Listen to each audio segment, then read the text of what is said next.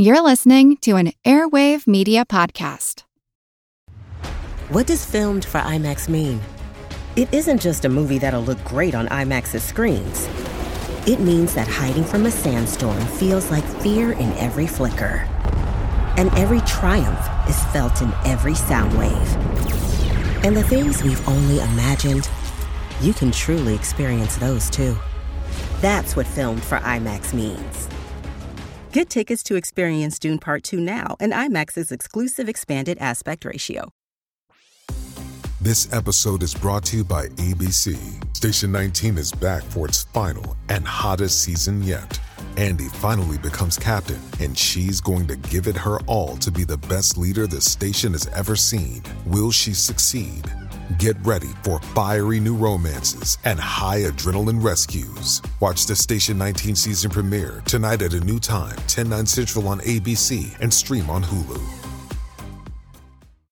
This is Kick Ass News. I'm Ben Mathis. Hey, folks, I hope you'll spread the word about Kick Ass News and share us with at least two friends this week. Or better yet, share Kick Ass News with all your friends on Facebook or Twitter. And if you really want to help, donate to our GoFundMe campaign at gofundme.com slash kickassnews. Thanks for listening, and now enjoy the podcast. Every morning, I pick up my newspaper, get the obituary section, and see if I'm listed. If I'm not, I'll have my breakfast. I'm in my 90s, and I have friends who are in their 90s. And it's not just that they've reached a certain number, they're thriving. Was it luck? Good genes? Modern medicine? Why are so many people living such active lives into their 90s? Hi, I'm Ben Mathis, and welcome to Kick Ass News. That was actor, writer, director Carl Reiner in a new documentary that he hosts called If You're Not in the Obit, Eat Breakfast.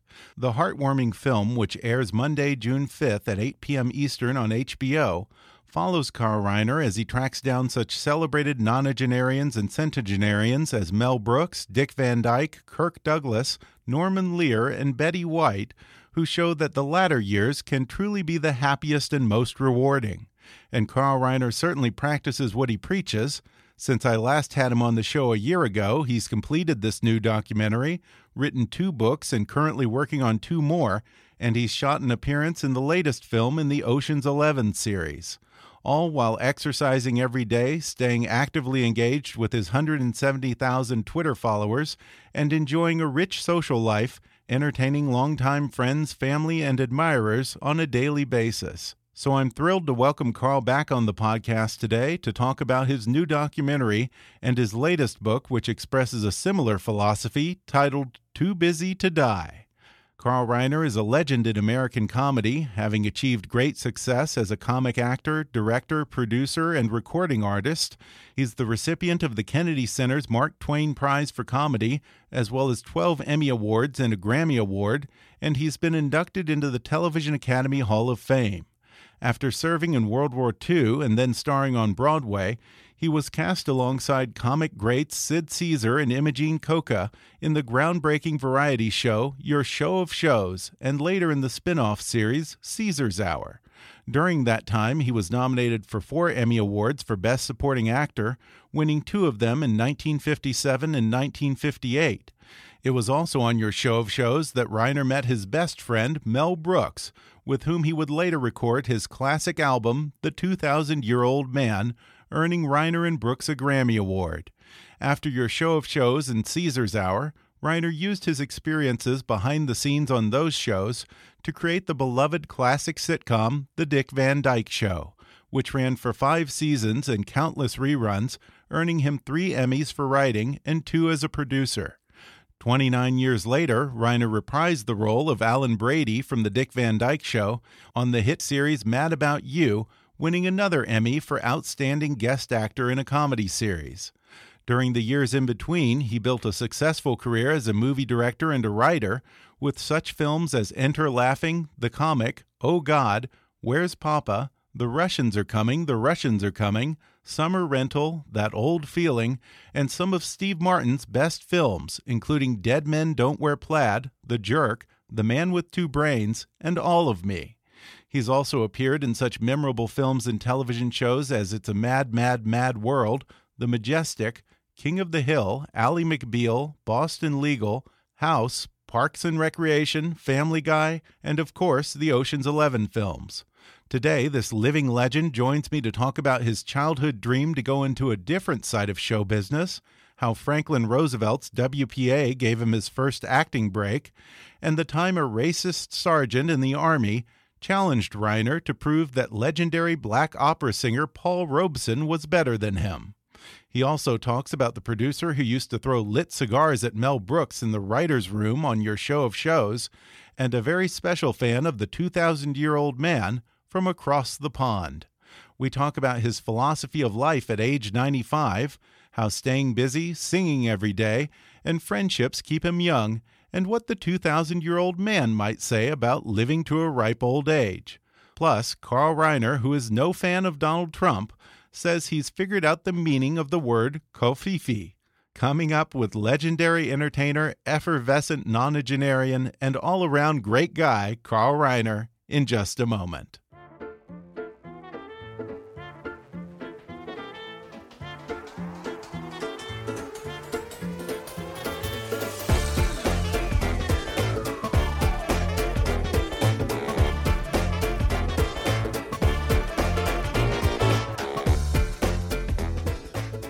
I'm delighted to talk once more with comedy legend Carl Reiner. He starred alongside Sid Caesar on your show of shows and Caesar's Hour, as well as in the Ocean's Eleven films, many guest appearances on television, including his Emmy winning guest role on Mad About You, and of course, the 2000 Year Old Man albums, which earned him and Mel Brooks a Grammy. He created, produced, and wrote for the beloved sitcom The Dick Van Dyke Show, which ran for five seasons, earning nine of his 12 Emmy Awards. He's also a prolific writer director whose credits include Oh God, Where's Papa, The Russians Are Coming, The Russians Are Coming, and some of Steve Martin's best movies, including The Jerk, Dead Men Don't Wear Plaid, The Man with Two Brains, and All of Me. At age 95, he hasn't slowed down yet. He has a new book called Too Busy to Die and a documentary about thriving in your 90s called If You're Not in the Obit, Eat Breakfast, which airs on HBO Monday, June 5th at 8 p.m. Eastern. Mr. Reiner, it's great to talk to you again. And I'm so glad you told me the date because people ask me and I don't know. Now I know it's June what? Uh, June 5th, June Monday, 5th. I think. It's coming right up. So. Well, we talked a year ago about your book, When and Why the Dick Van Dyke Show was born. And you said you're feeling great, so count on coming back to talk about the next book the same time this year. Now, here we are. You have a new book, very appropriately titled Too Busy to Die. And of course, the documentary. You certainly haven't slowed down, have you? Well, I, I'm slowing down, but not not stopping. Down but not out. As a matter of fact, I got two more books coming out after this, Fo- um, photo books, and they're they're so wonderful to look at. Um, when you finish, you come upstairs and say, "I'll show you what we're doing." Yeah, what are those about? Well, one of them is called uh, "The Movies I've Loved Since I'm uh, Five Years Old." It's about movies I've seen. My first movie that I saw was Faust when I was five years old, six years old and every movie I saw that informed who I became. Mm-hmm. All the mm-hmm. movies I've seen, I have the posters of them and uh, four little clips from them. And it's fascinating. It's like eating peanuts. you can't stop. Yeah. And I'm doing a new one, which is approaching 96. The, pic- the pics I viewed, I love viewing and love doing. So huh. it's all the pictures I've love seeing and the ones I've okay. Yeah done. you're a big movie buff it sounds like. Oh, uh, I, I, heard that you and mel brooks watch movies practically every night yeah that, that, or just jeopardy and wheel of fortune can't miss those. What kind of movies do you guys like to watch? Well we used to say any movie that we used to love the jason bourne movies. We oh, just oh, yeah. adore those.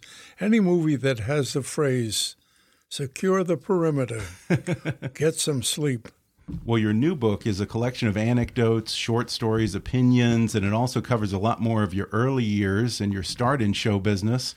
I didn't realize this, but you wanted to be an opera singer when you were a kid, right? Not a comedian. Yes, well, my father, two things. I wanted to be a, an opera singer and also an Irish tenor. My father, who had a friend uh, named Max Kalfas, a very dear friend, had a brother.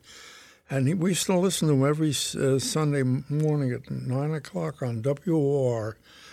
He would come on and say, Hello, this is John Calvin. Going to sing songs my mother sang to me when I was a wee lad. I love those songs, by the way. The first one I remember hearing is Tumble Down Shack in Athlone. Oh, I want to go back to that tumble down shack where the bright roses bloom round the door. Anyway, and I said to my father, I said, I'd like to want to be an Irish tenor. He says, You can be a Jewish tenor. but, yeah. So, the, but and then my father had a lot of um, you know, classic records, violin records, but he loved Caruso as everybody did. Mm-hmm. Maybe the greatest tenor who ever, ever, ever lived. Yeah. His recordings are done on, you know, not an orthophonic, and so even on those, you can hear that he had reached heights that nobody ever reached. His notes were fuller. He was, anyway. So I want to be an opera singer. The only problem is I sing uh, off key and out of rhythm, and otherwise I would. I've got the voice, but yeah. not. I've since then I've I've improved a little. I've improved a little. So you were a Jewish New Yorker who wanted to be an Irish tenor. Yes, yes. you know, having watched this documentary, uh, it seems that you still like to sing a lot. That's one thing that I noticed that all of the people that you talk to, like Dick Van Dyke, your buddy Mel Brooks, everyone who makes it into their 90s seems to sing a lot every yes, day. yes, You think that's part we of the secret? Yes. I sing uh, in the morning when I get up. I I'll, op- I'll test my voice to see if the, the operatic tenor is still there. Delirio. I start that way, and then I know I'm all right for the day. Yeah, you're holding up pretty well, I think. Yeah, I think I read in the book that one of your first girlfriends, you sent her a bunch of Caruso records. Yes, she never. When she went home. Yeah, she was from Oklahoma and didn't know about opera. Did she like Caruso? Well, she found out that it's it's worth listening to. Yeah. Yes. And and I'm trying to remember. You met her when you were doing summer stock. Is that right? Yes, she was a an apprentice in the summer stock theater. She was the one who came up and said, "I, I just love you because I did the Basil Rathbone did The Devil Passes, and it was a very flamboyant role, and that became my she became my girlfriend for the summer. When somebody she yells at, I love you. You say, okay, I yeah. guess I can like you back. well, I was interested to read that you got your first acting break through Roosevelt's Works Project Administration yeah, during the, the, Depression. The WPA, I keep uh, telling people that those who say that, you know, get off the government's back, I said, that's what government's for, especially during hard times when people mm -hmm. need work. And more people became what they are engineers, bridge builders, uh, artists, uh, painters, actors because the government, in this case, uh, I, free acting classes at 100 Center Street. It was a little wow. ad my brother saw in the New York News. Huh. And I went down there, and this is Mrs. Whitmore taught, taught a class for free of, uh, you know, actors and want to be actors. And that was the beginning. Yeah, because it's funny. I knew that the WPA built roads and post office, Tennessee Valley Authority, but I never knew that they created jobs for actors and writers and directors. Oh, too. Oh my God! Some of the mo yeah. most beautiful murals in post offices were done mm -hmm. under the WPA for artists who were out of work. Now, what did you do during the war? You were a telegrapher for a while. I was right? a, um, a, in the in the message center. It's a um, it's a, not not a tel- telegrapher. I wasn't first. Uh, I did the uh, Morse code. No, but then I became a uh, uh-huh. message center. Uh, um, tele, uh, tele, teletype. No. Okay. Jesus, that, isn't that funny? Uh, these. That's what's happening lately. I lose words. I lose uh, more than words, but uh, it'll come back while we're talking. okay. Yeah. And, and at one point, you got sort of drafted into their entertainment unit, right? How on, on my about? way to which I didn't know was Iwo Jima. I was on oh, a detachment wow. and we're on in Hawaii going someplace the following day, and I went to see a a GI version of Hamlet that my friend Howie Morris that Oh, yeah. I was that I met during another uh, WPA project, the NYA Radio Workshop. Twenty-two dollars a month we got paid for the government for doing radio shows, and uh, so again the government came in, and Howie Morris. I went backstage and I said, "Howie, you were great as Laertes," and he said, "Do you have an act?" I said, "I do actually, because in the army you couldn't." You couldn't do Shakespeare. You couldn't do. So I worked up an act. I had a comedy act, and I said, "But I'm going someplace tomorrow. I can't." Uh, and my friend Saul Pomerantz, who was with me, said, "Why don't you?" Maurice Evans was the head of the the um, entertainment section, and Allen Ludden was his captain. And they said, "Why don't you work, do your act for them and see how good you are to, for professionals?" I went down, and I really killed them. They said, "But we'd like to have you with us." And I said, "I can't. I'm going someplace tomorrow." And I didn't know where at the time. This is very interesting. I trained with these guys for a year in the message, you know, tele, as a teletype operator. Okay. For a whole year, I was with these guys, and um, and they said, and they, he, they transferred me out like a, traded me like a ball player, and this is like a bad movie.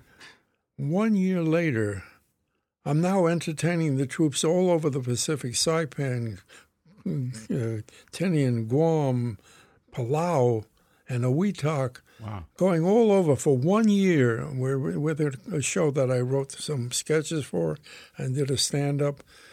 And on VJ Day, this is like nobody could believe this. On VJ Day, we land in Iwo Jima, where all my buddies are. I have kept in touch with them, but I didn't.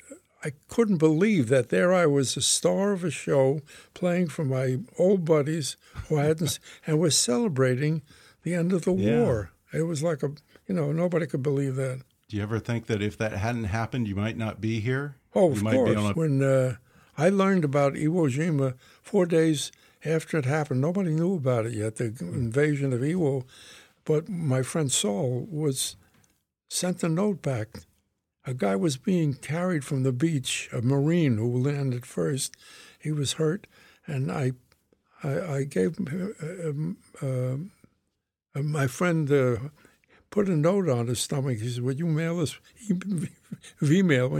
Wow. And I got a letter four days. He says that, and the letter said one thing. He, we were both atheists. He says there are atheists in foxholes, and he was in a foxhole when he wrote that letter.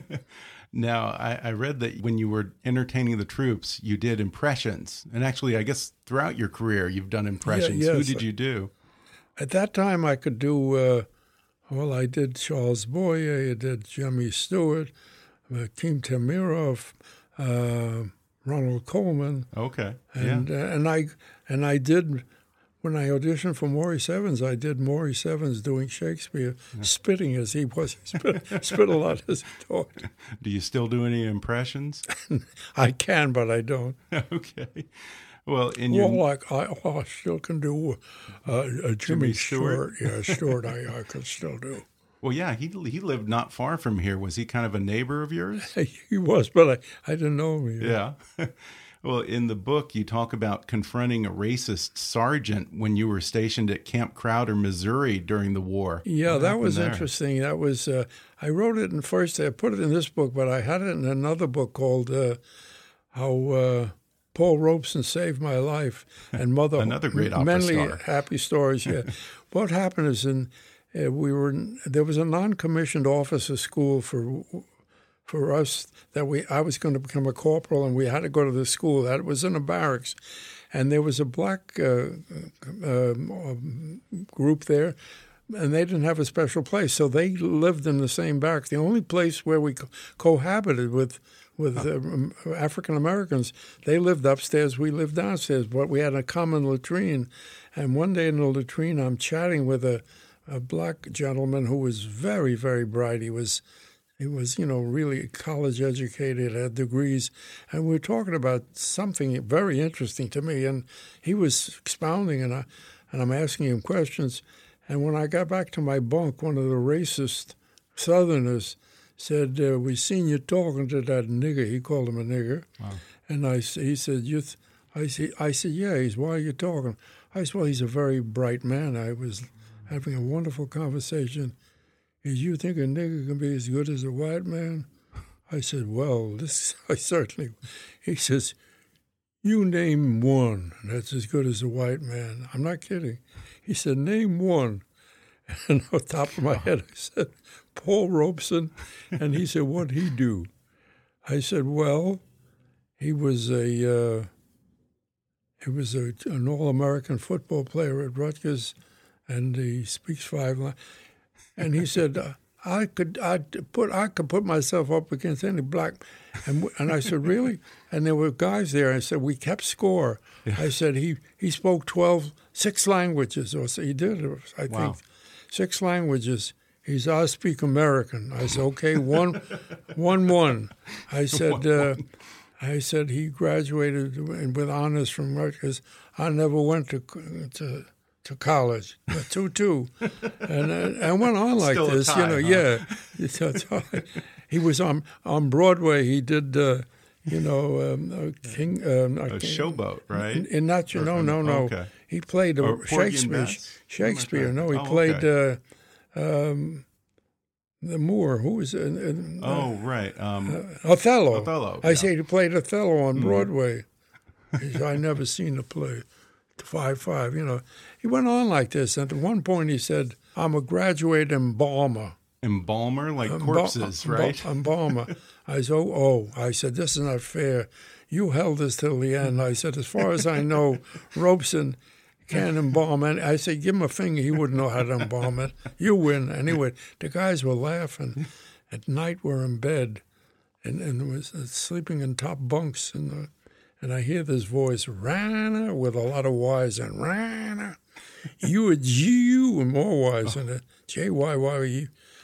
I said, oh, oh, I said, yes, why do you ask? oh, first he said, you want to step outside Uh-oh. with carbines. That's the oh. first oh. line. want to step out? I said, why? He said, well, settle this. I said, no, we'll settle nothing. I said, I'm a track shot. We walk outside before your finger's on the trigger, you're dead. And I have to go to, I'm, I'm in jail for the rest of the, anyway. Were you a good shot? No, no, no. I'm just lying. I'm just lying, okay. and and he and the, everybody's laughing, you know. and then and then got Rana, you, you. That was the big one. I said, "Why do you ask?" He says, uh, "In Texas, where he lives, the, you know Goldfarb." Said, "Who?" Alfred Goldfarb.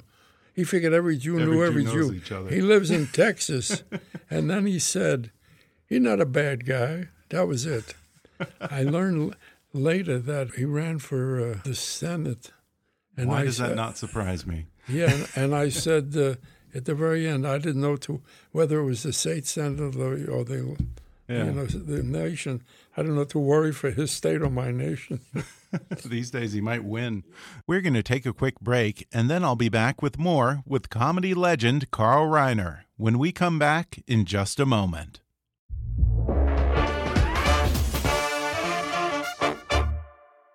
If you're enjoying my chat with Carl Reiner today, then you'll love his new book, Too Busy to Die.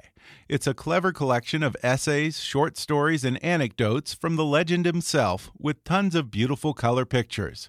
And if you order a copy of Too Busy to Die or any of his books at randomcontent.com, Carl will personally inscribe a copy to you. You can even tell him what you want him to write to you in the inscription. It makes a great gift for Father's Day or any occasion. Again, order Too Busy to Die at randomcontent.com.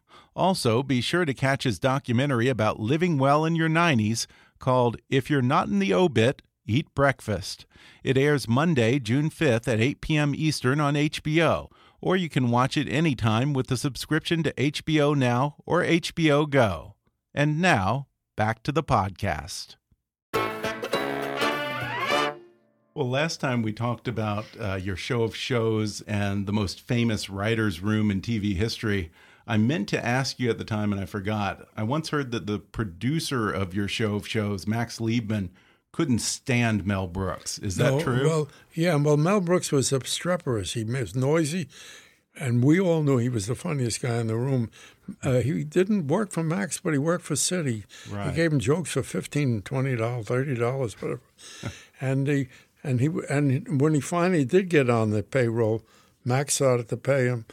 He would come in late, and then when he come in, he'd slide across the room, and he was obstreperous, and he says safe, you know, like he would fall, fall on the floor, and. Uh, so, but we finally, Max finally accepted him. Yeah. He happened to be the funniest man around in the world. Yeah, I heard that he used to throw lit cigars at Mel Brooks. Yeah, he, he, he was. We all smoked cigars because Sid Yeah. smoked them and Max smoked them. I never smoked cigars, and I said, "Well, if I'm going to get, I might as well give myself my own smoke rather than smoke theirs." Now, I don't know if this is true, but didn't Mel Brooks claim that he based the character of Max Bialystock and the producers on Liebman's personality? I think he did, although Max Liebman was a real good producer, Right, And Bialystock successful. was a fraud. Yeah, schmuck. yeah, a fraud. Yeah. Um, well, you and Mel, of course, became famous for the 2,000 year old man. Uh, I understand that of all people, Cary Grant was a huge fan of the 2,000 year old man. Well, when the when the book when the uh, we weren't sure that uh, this would go for all people because it was a a, a Jewish accented com- comedian. It was five four years after the war, and the Jewish accent that you know the Jews were maligned. So we, we did it only for friends at parties, and, um, people would make parties, so we get to do it and we did it in the office. And uh, finally, was we were talked into putting on a record. Steve Allen actually put it. He said, "You got to put it on a record," and we did. And when we put it on a record, uh, I was uh, Universal at the time making movies, and Cary Grant had a bungalow next to mine. And one day he came by, and I, I said, Cary, I got something I might be interested. I gave him an album, and he came back the next day. He says, I loved it. He says, uh, can only have a dozen. I said, why? I'm going to England. I says, you take this to England with you? Yeah, they speak English there, he told me. He came back and says, she loved it. I said, who? He says, the Queen Mother. I played it at Buckingham Palace. And I told Mel, well, we're in. I said, the biggest chicks in the world love the album, so we're okay. Well, in your book, you tell a story about you, Eva Marie Saint, Brian Keith, and Norman Jewison flying back up to Northern California to film The Russians Are Coming, The Russians Are Coming. You had something of a close call, huh?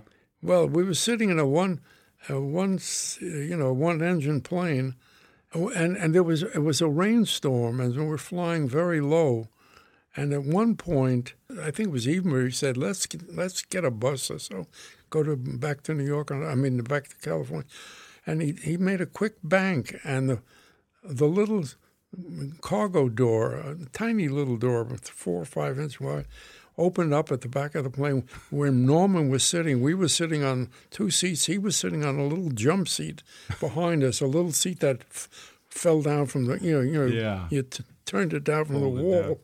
And all of a sudden, I reached back, and I heard the whoosh, and I reached back, and I can't feel Norman. I reached behind me.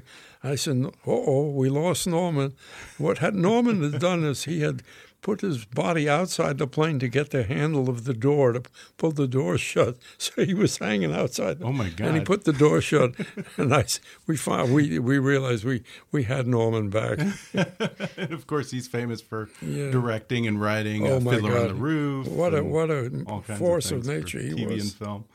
Yeah, well, you know, I want to talk about this new HBO documentary of yours called "If You're Not in the Obit, Eat Breakfast."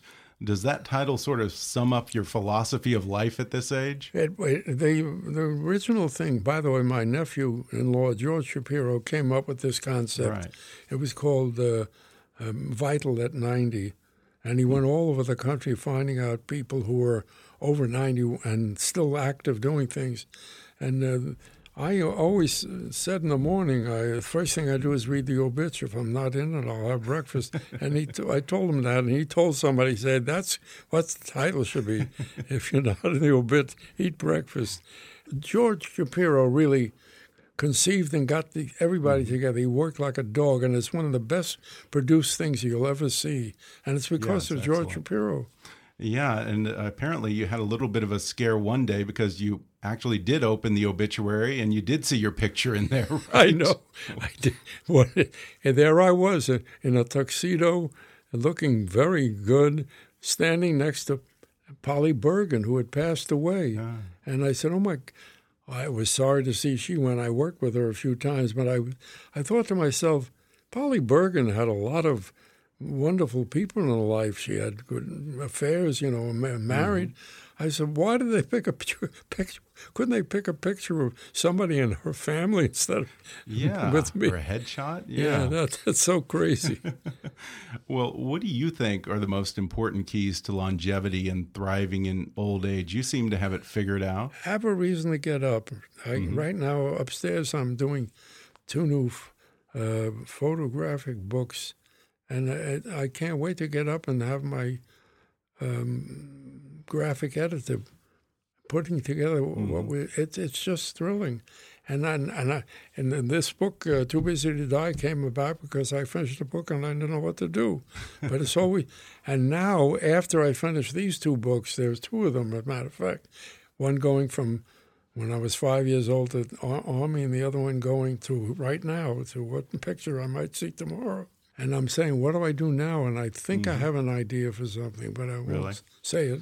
No, because it may not work out. Well, what is your daily routine like? Walk us through that. Oh, well, right now, I see it's as you get older. I used to walk around a block, and then I walked halfway around a block. Now I get on the treadmill for ten minutes. Not a treadmill, a uh, stationary bike for ten minutes. Wow. That's about it for the. And I walk up and up and down stairs, and I mainly stay in the house, and I don't go out to lunch and dinner anymore. People come here. If I have to go out, I did something that I was thrilled to do a couple of months ago. I did Oceans 11, 12, and 13, and there's a new one coming out with uh, Sandra Bullock is doing with, with women. Oh, really? And she asked me to do a scene with her. It was just a few minute scene, but I went out and and I was able to tell her that she is my favorite actress. I just love Really? her. There's nothing she can do that I don't find.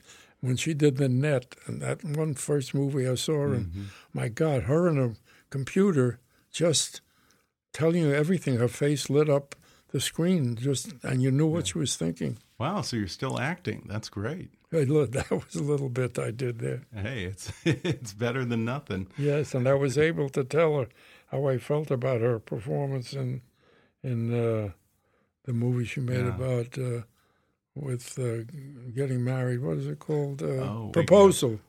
Oh, okay. Yeah, the proposal. proposal. The Yeah. proposal. There we go. Yeah, I knew you were going to think of it faster than I Yeah. would. That was such a delightful Mm. movie. Well, I once heard some experts say that the key to reaching 100 years old is resilience and your ability to cope with loss and tragedy. You know, when you get to the age where you never know when you're going to find a friend of yours in the obituary that morning, how do you handle that? Well, I, I when I read the obits now, I I say I look at the age and I'll say look at the date they were born, Mm-hmm. and I say. Got you beat, got you beat. Oh, you beat me, you beat me. Mainly, I Make got them beat. Yeah, no. People don't seem to be going at 80, 83, 85, Mm-hmm. 89. Once in a while, you get uh, in Georgie's uh, uh, thing, he's got a 100 year old marathon runner. Yeah. I wonder when you do see people that you know pass away, like Polly Bergen in, Yeah. in their 80s, do you ever think to yourself, what did they do differently than I did? How come I'm here and they're No, not? I, I always wonder how I'm going to go. I don't know. Oh, really? I would You're love to. I would love to. You know, go to sleep and uh, not wake Yeah. up, but uh, it's not easy. The other day, I was thinking, oh, oh, maybe this is it because of my pulse was very low. I take my pulse, my Mm-hmm. my my uh, blood pressure with a cuff. Here it is, the one right here, and and I I'll, I didn't take it today, but I'll see what was on yesterday. And yesterday, 129 over 75, and that's what it usually is. not And bad. but one day it was for some, some reason lower than, than ever, and I said, "Oh, this is it. Maybe that's you just slip out under the door." Well, one person in the documentary says that one of the keys to longevity is to have a lot of face to face interaction with another human being. They say five to six hours during their day. You hang out with your best friend Mel Brooks almost every evening. Do you think that those hours spent together have extended both of your lives? I, I'm sure it has. Yes, if you if you have no reason to get up, you won't get up. And he he's been sick for a week or two, and he hasn't been here. He went to New York and oh. did a lot of performances, which he he packs stadiums with people to talk to make fun with. He shows his Blazing Saddles, and he he really wrecks them. And he hasn't been here for a week, and it's, it's sort of lonely. But yeah. I have this uh, thing going upstairs that keeps me going. Yeah. Now, have the two of you ever thought about writing a book together about your friendship? No, never, yeah. never thought about that. Or friendship in but general? he's he's in uh, this new book. Uh, uh, well, you'll see there's uh, photos of every picture that we've uh, I've ever loved, and there's a number yeah. of his in it. Well, you know, I have to think that there's no greater expert on longevity than the 2,000 year old man. Have right. you ever asked him what the 2,000 year old man would say is Never touch fried old foods. Age? Never touch fried foods, yeah. huh? Never run for a bus. Yeah. Yeah. He, he, has a bunch. Every time I ask him that question, he gives me a different answer. Oh, yeah? Yeah. well, I follow you on Twitter, and I don't think a day passes when you don't have something to say about Donald Trump. So I fear that I'd be shortchanging you if I didn't at least give you a minute here before we wrap up to vent about the new president. Well, you know, I think he's uh, uh, his own weight is pulling him down now. He's so many people are going to be testifying very soon, next mm -hmm. week, six days or something. Uh, uh he is. It's unbelievable the amount of things he's gone doing outside of the presidency is going to be found out. I mean, he's mm -hmm. got mm-hmm deals with people all over the world, and they'll all be found out. He is the sleazy. I cannot believe I. There was somebody made a uh, Alan Alda's grandson made a movie, a little movie, the best thing I've ever seen. I wake up every morning, and I'm, first thing I turn on and think, see what Trump is up to, and so the story of this movie is the kid wakes up or the young man wakes up, and the first thing he goes is ah he starts to scream. He goes about his business, but he keeps screaming. He brushes his teeth, he washes, he goes to the toilet, but he screams. He goes out, he, he drives his car, he waves people across the street, still screaming. They're screaming. He meets a girl at a supermarket, a woman at a supermarket. Ah! They're all screaming. And that is what everybody's doing. Uh, every 38% of the people, a 38% yeah. approval rating now. And I really feel sorry for the people who voted for him. And now he's going to drop uh, Meals on Wheels and yeah. and he's going to take the uh, minimum wage down. Yeah. I can't believe what he's and he's doing it all in the name of billion all for the amount of billions he's going to be able to get from the lowering of the taxes It'll lower very few taxes at the bottom. You can, and it's told people to talk about it, but nothing seems to happen. He's still there. Well, you know, you're someone who firsthand experienced McCarthyism and had a number of friends who were right. victims of the blacklist. Right, right. Looking back at that and these people who were wrongfully persecuted for their political beliefs, does it shock you to now look and see that here we have a guy who seems to have frighteningly suspicious connections to Russia and he's occupying the White House? I know. No, there's no doubt that he's. Uh, everybody knew that he had uh, something going on. And Hillary Clinton, who I thought would be our president, and who got three million more votes than he did, mm -hmm. and we have this antiquated uh, electoral college, which was put in place for people who, in in, in little uh, communities, who couldn't read or write, so they had an electoral college. For, that should be done away with. We would have had a, a woman who was the Secretary of State, who one of the brightest people. If you ever saw her documentary, you realize that yeah. at 16 she was working for children on her own. She took it up upon herself to help poor kids that you know needed reading, writing, or food. She's an extraordinary woman, and and I, I that's one of the saddest things that she didn't get to be the president. Well, before... lock her up, he said. and now yeah. he, he should yeah. be he should be locked up. We shall see. Well, before we go, when you came down at first, uh, you told me that you figured out the meaning of Covfefe.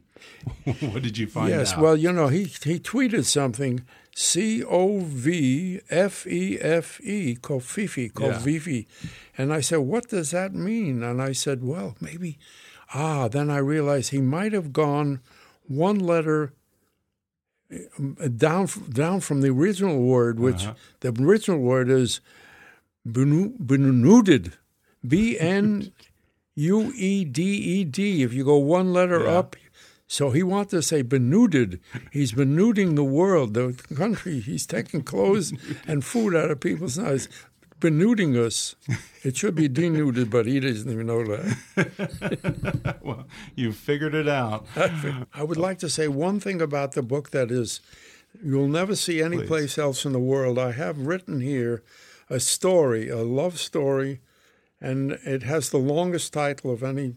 It's a full page title, but the the story is in the largest font ever seen in a literary work.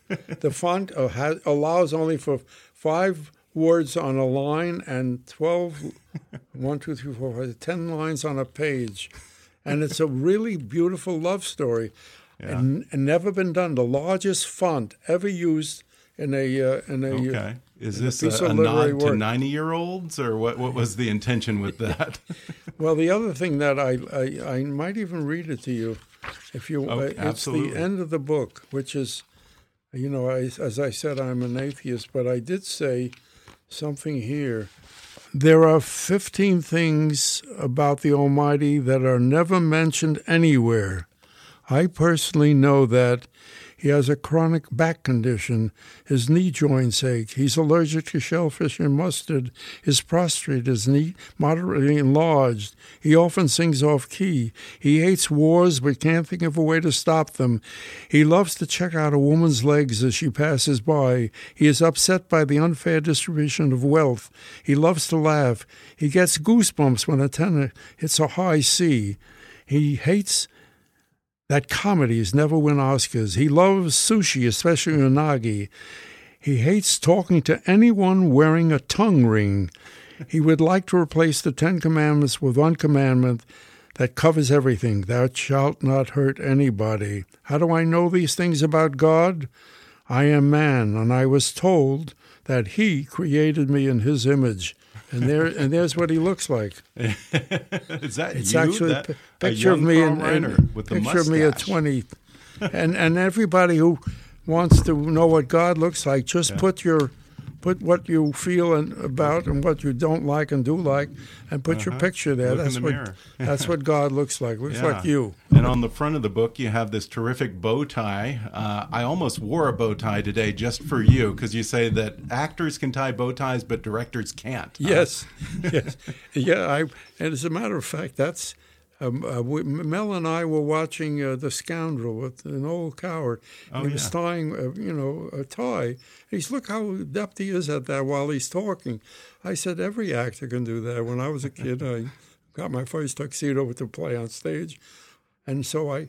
I was telling him that at a, a Directors Guild, I did 25 years of Directors Guild award dinners, emceeing, and I said one day I was standing next to David Heller, who was our Oh, yeah. pre- pre- president, and I say, "You wearing a clip on?" He says, "Yeah," and I says, I said, "That's the difference between directors and actors." And I opened my tie and I said, "I'm wearing." And I said, "How many directors are wearing?" And everybody raised their hand. Yeah. And I started talking about the fact that actors, when they're young, they have to learn. They weren't clip-ons in those days. Uh-huh. And all of a sudden, I got a big hand, and I didn't realize what it was for. It was for that while I was talking, I I tied my tie again without a mirror. Now, what is the secret to keeping it straight? Because I always I can tie it, but it's always It's crooked. exactly like a shoelace. Keep adjusting it. Just keep adjusting it till it's till it's absolutely straight. Yeah. and You'll be able to do it. Well, where can people order "Too Busy to Die"? And I think that you'll even sign it for people, right? I will. I'll personalize it if you. Uh, you check randomcontent.com. Okay. Go to one of those purveyors of, and I'll be very happy to personalize it. Great gift. It sure Wonderful. is. Well, yeah, and the documentary "If You're Not in the Obit, Eat Breakfast" airs on HBO on June 5th, Monday at 8 p.m. Eastern. Mr. Reiner, thanks so much. I Thank appreciate you for you talking to me. Now come upstairs and see what we're doing. Okay.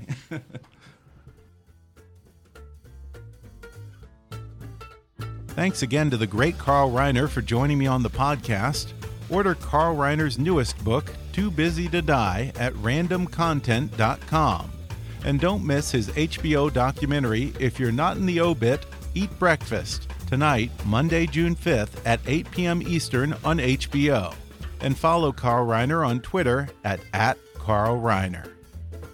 Be sure to subscribe to Kickass News on iTunes and leave us a review while you're there. Don't forget to take our listener survey. It only takes five minutes at podsurvey.com slash kick. You can visit Kickass News on Facebook and follow us on Twitter at, at KickassNewsPod. And be sure to recommend Kickass News to your friends on your social media. And if you really want to help out, then donate to our GoFundMe campaign at gofundme.com slash kickassnews or click on the donate button at kickassnews.com. As always, I welcome your comments, questions, and suggestions at comments at kickassnews.com. For now, though, I'm Ben Mathis, and thanks for listening to Kickass News.